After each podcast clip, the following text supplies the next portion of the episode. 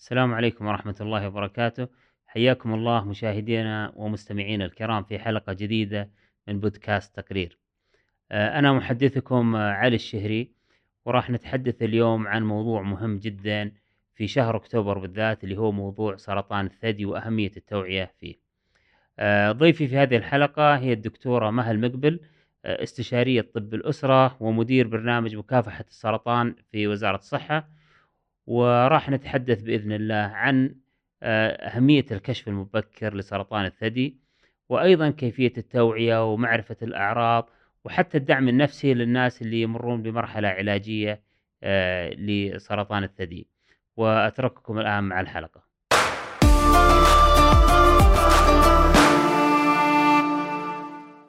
حياك الله دكتورة.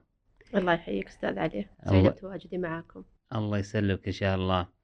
والله يعني الحلقة هذه جاية في وقت آه، يعني التوعية بمرض سرطان الثدي وهو من الأشياء اللي صارت شائعة وصرنا نسمعها في كل مكان. يعني أنا أتكلم حتى عن محيطي. والله أنا أشوف في حالات كثيرة أعرفها سواء أقارب زملاء عمل أو شيء يعني عندهم في أسرهم حالات آه، يعني الله يشفينا وياهم عندهم حالات سرطان الثدي. وش ال وش اللي هل هو مرض جديد ولا يعني بدأ يطلع ولا كيف الانتشار اللي جاء في الفترة الأخيرة وش السبب هذا؟ هل انتشار ولا المرض موجود من أول بس صار في تشخيص واهتمام في الموضوع؟ طيب سرطان الثدي أولا هو هو عبارة عن إيش؟ هو عبارة عن خلايا تتكاثر آه، خلايا في أنسجة الثدي تتكاثر بطريقة غير طبيعية آه، بطريقة خارجة عن السيطرة وتبدأ غالبا في الثدي وتنتشر مع تقدم مرحلة الإصابة. آه، هو موجود من زمان طبعا لكن الآن مع الكشف المبكر بدأت تظهر أكثر الحالات طبعا والكشف المبكر الحمد لله غالبا يكتشف الحالات في مراحلها المبكرة. وعشان كذا إحنا كثير بالحملة نوعي ونهتم بالكشف المبكر عن هذا السرطان. لأنه فترة بداية السرطان عادة لما تصير موضعية نسبة الشفاعة فيها تكون جدا عالية. وش قصدك لما تقول موضوعية؟ موضوع مو... آه، موضعية؟ موضعية يعني ممكن إنه السرطان غالبا يبدأ دائما يبدأ في أنسجة الثدي. إحنا عندنا طبعا الثدي في أجزاء مختلفة، في عندنا الغدد اللي تنتج الحليب آه، اللي هي فصيصات ممكن يتكون فيها السرطان، ممكن يكون في القنوات داخل الثدي، ممكن في النسيج النسيج الضام. إذا بدأ آه، إذا اكتشف هذه المرحلة هو يكون موضعي. ممكن في المراحل اللي بعده ممكن ينتقل الأنسجة أخرى وممكن إذا وصل للأوعية الدموية الأوعية الليمفاوية يبدأ ينتشر في الجسم. وأكثر طبعا شيوعا ممكن يوصل للكبد للرئتين وهذه في المراحل المتأخرة. وش السبب يعني في سرطان الثدي؟ آه ليش بدأ ينتشر؟ وش سبب يعني آه أسباب سرطان الثدي؟ هل له علاقة بالتغذية؟ في ناس قرينا له علاقة حتى يعني كنت أبحث عن موضوع سرطان الثدي لقيت ناس تتكلم عن الأدوية العادية والمسكنات وناس تكلموا حتى عن بعض التطعيمات وش الأسباب دكتورة؟ الثد... سرطان الثدي ما في سبب محدد واضح اكتشف إنه هو السبب الأكيد للسرطان في عوامل مرتبطة مترابطة في عوامل مثلا وراثية استعداد وراثي في العوامل الهرمونية التاريخ آه، العائلي في الإصابة عندنا أسباب كثيرة. إذا بدخل فيها بالتفاصيل طبعا أول شيء أبغى أوضح لك أنه أغلب حالات السرطان المكتشفة ما يكون في سبب واضح لها ترى. في عندنا مثلا تاريخ الشخصي للإصابة. إذا كانت المرأة قد أصيبت سابقا بسرطان ثدي أو المبيض هذا يزيد عليها نسبة الإصابة مرة أخرى. التاريخ العائلي إذا كان في العائلة أقارب من الدرجة الأولى أو الدرجة الثانية مثل الدرجة الأولى مثل الأم أو الأخت أو الابنة أو أقارب الدرجة الثانية إذا في بالعائلة أحد مصاب بسرطان الثدي أو المبيض آه، في دراسات وجدت إنه اللي عندهم تاريخ عائلي نسبة إنه ممكن يصابون بالسرطان أكثر من ثلاث مرات من اللي ما عندهم تاريخ عائلي. عجيب. آه، في عندنا الاستعداد الوراثي آه، اللي هي الطفرة الجينية إذا كنت سمعت فيها هي البراكا 1 وبراكا 2 آه، طبعا هذه تمثل تقريبا أقل من 10% من حالات السرطان. لكن متى نشك فيها؟ إذا كان بالعائلة أكثر من شخص مصاب وغالبا في سن آه، صغير. إيه؟ آه، في أسباب أخرى طبعا كثيرة الأسباب لكن مثلا ممكن العلاجات الهرمونية. المقصود فيها الهرمون الأستروجين. هو أكثر شيء إذا تعرضت له المرأة في حياتها هو أكثر يعني ممكن يزيد آه، خطر الإصابة. آه، فاللي مثلا يكون عندها سن البلوغ سن مبكر قبل 12 سنة. آه، سن انقطاع الطمث فوق ال 55 آه، إذا كانت آه، مثلا لم تنجب أو آه، أول طفل لها أنجبته في سن متأخر فوق 35 سنة هذه يخليها عرضة إنها آه، يعني تستقبل أستروجين بنسبة كبيرة فيزيد خطر الإصابة. في طبعا حبوب منع الحمل. آه، هذه بس لازم أنوه لأنه فيها آه، فيها كلام كثير لكن الحبوب منع الحمل إذا استخدمت فترات طويلة وخلال فترة الاستخدام يزيد خطر الإصابة. لكن إذا توقفت المرأة ما عاد استخدمت الحبوب يبدأ يقل الخطر ويختفي إذا تقريبا عشر سنوات يختفي الخطر تماما. في علاجات هرمونية ممكن بعض السيدات يحتاجونها بعد آه، انقطاع الطمث هذه كمان تزيد الإصابة.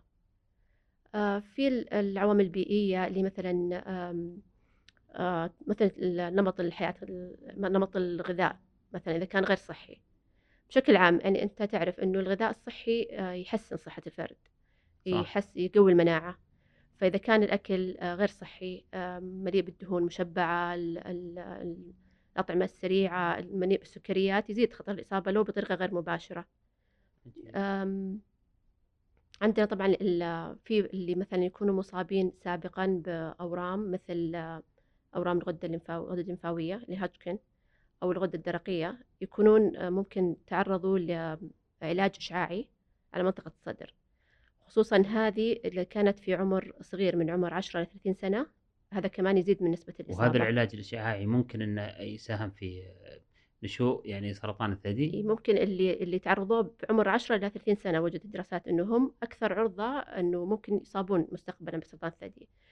في حال إنه اللي فوق ال 40 سنة وتعرضت لهذا العلاج الإشعاعي نسبة الإصابة ما هي كبيرة مثل ما تعرض له في سن أصغر. نعم. والله الأسباب كثيرة بصراحة يعني مم. والعوامل لكن هل في شيء مثلا ممكن أشياء يعملونها آه، يعني كوقاية من آه، من سرطان الثدي؟ و- أقصد أنها وقاية طبيعية في سلوكهم في تغذيتهم.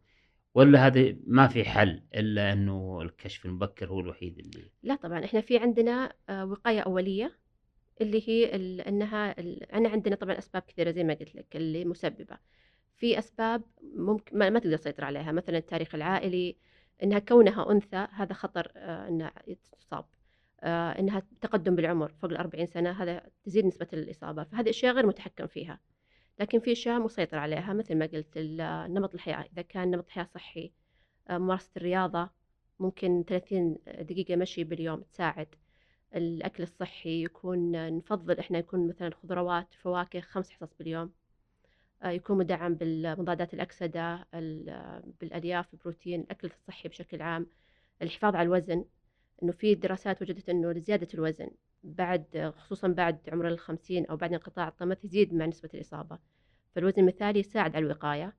تجنب التدخين أو التعرض لمنتجات الطبخ بشكل عام.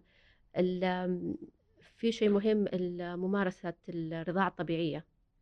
في دراسات بينت إنه اللي ترضع أولادها مثلا مدة سنة نسبة الإصابة تقل عندها بكثير مقارنة باللي ما قد أرضعت. عجيب. فهذه إحنا في الآن كمان حملات الرضاعة الطبيعية وأهميتها هذه كلها تخفف من الإصابة بإذن الله. آه، إن شاء الله بإذن الله. طيب آه، بالنسبة لل للحملات التوعوية الآن اللي تقومون فيها وزارة الصحة م- آه، حدثيني عنها. وش وش الأشياء اللي تحتاج المرأة أنها تعرفها؟ على أساس يعني بإذن الله نتقي نفسها يعني من الإصابة بسرطان الثدي. طبعا الحملات التوعية آه، تقوم فيها وزارة الصحة و- ويشاركها كثير من القطاعات سواء الخاص والحكومي غير وزارة الصحة. ال- جميع يعني ما شاء الله المملكة في شهر أكتوبر تصير وردية. الكل خلاص صار عندهم وعي. إحنا الأهم شيء بال- بالحملة نشر الوعي أو رفع الوعي عن ال- السرطان الثدي بشكل عام. نرفع الوعي عند السيدات إنها تعرف أهمية الكشف المبكر. الكشف المبكر آه، قبل ظهور الأعراض يزيد نسبة الشفاء بشكل كبير. آه، في نوضح ال ال في إشاعات مغلوطة منتشرة كثير بين السيدات وتخليهم يصير عندهم خوف إنها إنها تعمل الكشف المبكر. مثل إيش؟ آمم، مثلًا أكثر شيء مثلًا ممكن يخوّف السيدات إنها تعمل الكشف، إنه في اعتقاد إنه مثلًا المامو أو اللي هو ال التصوير الثدي ماموجرام الماموجرام آآ، ممكن يسبب السرطان، وهذا غير صحيح طبعًا، هو لأنه يكتشفه قبل ظهوره أو قبل ظهور مو قبل ظهوره، قبل ظهور الأعراض للطبيب أو للسيدة، فهم يتوقعون إنه هو يسبب، هو لا يسبب، هو الجرعة أصلًا ال اللي تظهر من المامو جدًا ضئيلة. والمنافع اللي يستفيد منها تستفيد منها المرأة إذا عملت الماموجرام آه، يعني تفوق جدا آه، ممكن الخطر من الأعراض أو هي ما تعت- تعتبر أعراض يعني هي جدا ضئيلة الجرعة ال- وأصلا يعني في آه، رقابة على الجرعات اللي في الماموجرام طيب التوعية أنا يعني آه، آه، قريت إن عندنا في السعودية آه، مقارنة بالدول الأخرى إحنا نعتبر من الأكثر ارتفاعا يعني مقارنة بالدول الثانية. هل هذا بسبب يعني أن التوعية بالكشف المبكر أو الوعي بأهمية الكشف المبكر ولا وش ليش عندنا في السعودية أكثر من الدول الثانية الآن؟ هو ما نعتبره أكثر. آم، إحنا طبعا سرطان الثدي عندنا الأول عالم الأول في المملكة وكذلك عالميا يعتبر الأول الآن. لكن الأول في السرطانات. إيه سرطان لدى السيدات. إيه. آه، إحنا ال- للأسف إنه الاكتشاف دائما يكون في المراحل المتأخرة عندنا نسبة 55% تكتشف في المراحل المتأخرة وطبعا من الأسباب التخوف آه، عدم ال- الوعي عن أهمية الكشف. في بعضهم يمكن ما تعرف حتى إنه إيش الإجراء المناسب إنه متى متى تروح تكشف أو وين تروح تكشف. فهذا طبعا الهدف من الحملات التوعية عن الأعراض عن العلامات عن الأهمية. توعية حتى يعني حتى لو ما كانوا في السن اللي المفروض يعملوا الكشف نوعيهم اللي يوعون أهلهم أمهاتهم الرجال يوعون زوجاتهم عن أهمية الكشف. آه، طيب آه، آه، بالنسبة للكشف نفسه المبكر وين يروحون؟ يروحون مستشفيات خاصة، يروحون مستشفيات حكومية، أنتم في وزارة الصحة، وش الجهات اللي ممكن الناس تروح لها عشان تقدر تكشف؟ آه، في وزارة الصحة عندنا عيادات يعني كذا عيادة للكشف المبكر. في عندنا عيادات موجودة في المولات أو المجمعات التجارية اسمها عيادات صحة المرأة والطفل. يقدمون ماموجرام في المولات؟ وهذه بدون موعد. تتجه السيدة دايركت للعيادة وتعمل الفحص يعني تأخذ منها بيانات ويدخلوها على الفحص بدون موعد. آه، في عيادات متنقلة يتم فيها نفس الإجراء بدون موعد. في كل تقريبا مناطق المملكة. في العيادات ال- اللي هي تكون في المستشفيات في قسم الأشعة هذه عن طريق آه، إما 937 أو عن طريق تطبيق صحتي. تحجز ال- المرأة موعد مع طب الأسرة والطبيب يوجهها لأقرب أقرب يعني آه، إيه. مستشفى. والله آه، أحد الزملاء آه، يعني زوجته أصيبت يعني آه، بالسرطان عملت فحص وكذا واكتش- واكتشفوا أنها مصابة ويعني وبدأت في رحلة علاجية. فأتذكر أنه يعني كنت أتكلم أنه هي قال لي ليتني زوجتي ما سوت الكشف المبكر. طبعا الله يعينهم لكن ترى جزء كبير. أنا أتوقع صحيح. لما نكون نسب عالية عندنا أنا أتوقع جزء كبير من الخوف أصلا إنه لا سمح الله تطلع نتيجة إيجابية هذا- وكذا. صح هذا هذه مشكلة للأسف إنه ال- الخوف هذا مانع كبير. لكن لما يرتفع يرتفع الوعي آه، إنه ال- إذا كشف ال- ال- السرطان الثدي في مرحلة مبكرة نسبة الشفاء بإذن الله طبعا يعني تفوق 95% ما شاء الله. وتنزل للأسف هذه النسبة تقل تقل مع تأخر المرحلة. يعني إذا وصلت المرحلة الرابعة اللي هي المرحلة الأخيرة من الانتشار تنزل تقل النسبة إلى أقل من 20 أو 30% فإحنا نوعي ال- الحمد لله ال- العلاجات صارت آه، كثيرة والمجال في الدراسات في علاجات السرطان الثدي كثيرة. فإذا ال- الكشف صار بدري وتم علاجه ممكن حتى ما تحتاج علاجات يعني نسميها علاجات قوية ممكن ما تحتاج علاج كيميائي إذا كان في مراحل مبكرة ممكن يحتاج جراحي ممكن إشعاعي فحتى جودة الحياة تكون أفضل للسيدة بعد العلاج صح صح طيب أتذكر إني حتى قريت إن الرجال حتى ممكن يصابون بسرطان الثدي آه، هل هذا الشيء صحيح؟ هل هو منتشر عندنا شائع عندنا في السعودية سرطان الثدي إصابة للرجال؟ وهل معناته هذا إن الرجال يسوون كشف أيضا الماموجرام؟ يعني ولا هو صحيح ال- الإصابة موجودة لكنها ما هي ما هي كبيرة يعني. في أمريكا مثلا نسبة الإصابة للرجال تقريبا من نص إلى واحد بالمية من معدل إصابات الثدي كامل. عندنا بالسعودية آخر تقرير صدر من المجلس السعودي للأورام آه، 2017 كان تقريبا من معدل إصابات الثدي 2500 كان 45 حالة من الرجال. سرطان الثدي بالرجال نفس عوامل الخطورة لدى السيدات. التاريخ العائلي استعداد الوراثي آه، نمط الحياة غير صحي هذه كلها تزيد خطر الإصابة. والأعراض هي نفسها أعراض اللي تظهر للسيدات. إيه. طيب بالنسبة لل... للحالات الآن تمر بال يعني الحالات الآن اللي عندهم إصابة في السرطان وقاعدين يعني يمرون يعني بالرحلة العلاجية آه، وش غير العلاج؟ يعني الدواء اللي قاعدين ياخذون المستشفيات من ناحية الدعم النفسي والأشياء هذه كيف أثرها يعني في تأثيرها في أنها ت- تزيد فرص يعني الشفاء آه، من مرض سرطان الثدي؟ الصحة النفسية طبعا أكيد هي يعني مهمة جدا لمرضى السرطان في الدعم العلاج تحسين الحالة النفسية. أم، طبيعي أي مريض سرطان راح يكون عنده قلق راح عنده اكتئاب تأثر عنده ممكن لخبطة في النوم لخبطة بالأكل. أه، فالدعم جدا مهم الدعم النفسي والاجتماعي من سواء من الأهل من الأصدقاء. إحنا ننصح إذا كانت الحالة تستدعي حتى أنها تأخذ رأي مختص أو طبيب نفسي لأنه الصحة النفسية جدا مهمة. طيب وش مثلا ال- الزوج أو الأبناء اللي عندهم أمهم مثلا أو زوجته آه، قاعدة تمر يعني بعلاج السرطان وش الشيء اللي المفروض إنه يسوونه عشان يدعمونها؟ يعني وش الم... آه، ما أدري والله. يعني أنا أشوف حتى الفيديوهات اللي تظهر في اليوتيوب أو غيرها اللي يحلقون شعرهم تضامنا مع أمهم أو كذا وش الأشياء اللي ممكن يسوونها الناس عشان يشاركون؟ صحيح الدعم النفسي مهم بس الناس ممكن تسوي شيء غلط على أساس إنها تدعم نفسيا ثم تضر المريض آه، أكثر. هو ال- ال- المريض في هالمرحلة يحتاج الدعم يحتاج التواجد. آه، في مثلا المرأة أغلب المرضى مثلا تكون عندها خوف مثلا من إيش اللي ممكن يحصل لها. آه، إيش الخوف من المستقبل آه، مستقبل المرض آه، هل هو وفاة آه، نسبة الشفاء بالنسبة لها من تغيرات تح- تحدث لها مع العلاج وجود الدعم ال- من الأهل من من الزوج من الأطفال من الأولاد إنه يكونوا موجودين معاها يحسونها بالأمان إن شاء الله.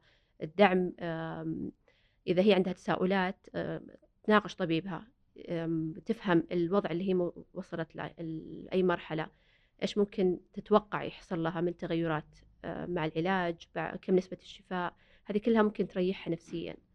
وال- والترفيه والأشياء هذه اللي تتعلق يعني مثلا آه، ممكن يعني يصير عندها اهتمامات هوايات شيء تشغل نفسها فيه.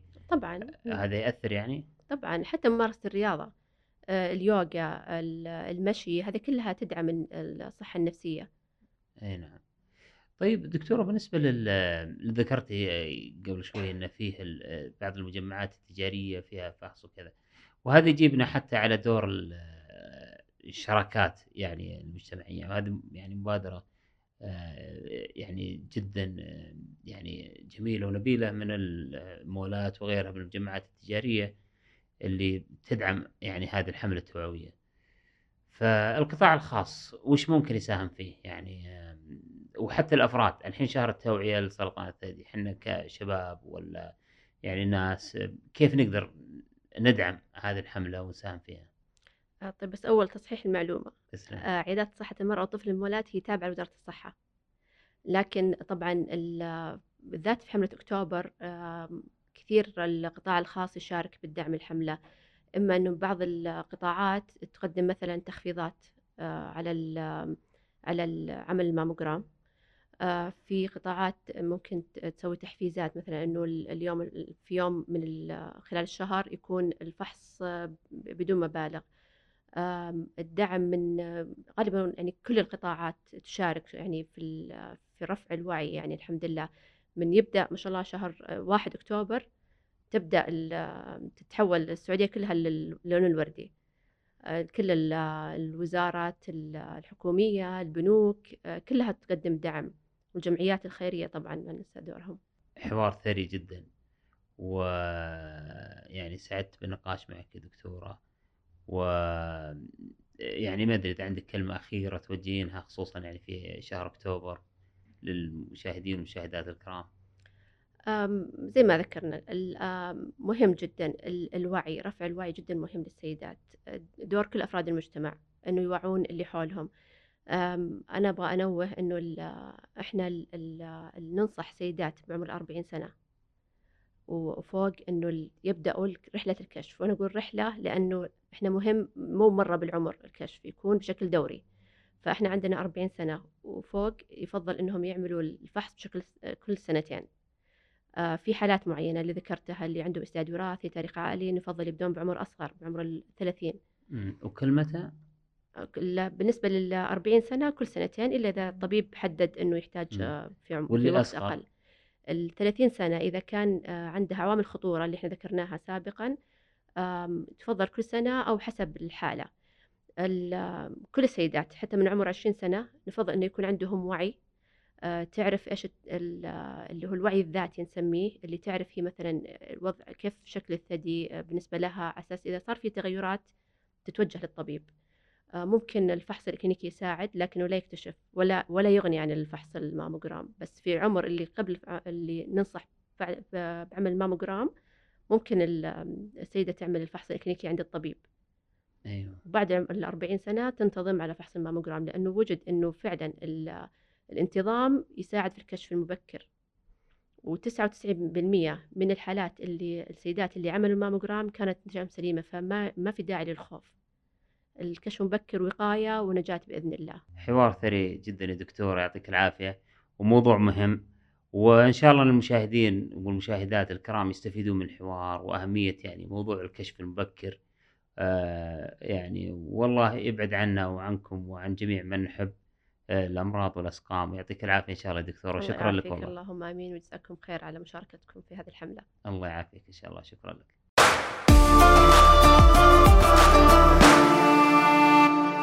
كانت معي في هذه الحلقة الدكتورة آآ مها المقبل، وكان حديث يعني إن شاء الله أنكم استمتعتوا فيه واستفدتوا منه آآ حول سرطان الثدي وأهمية التوعية آمم بالفحص المبكر.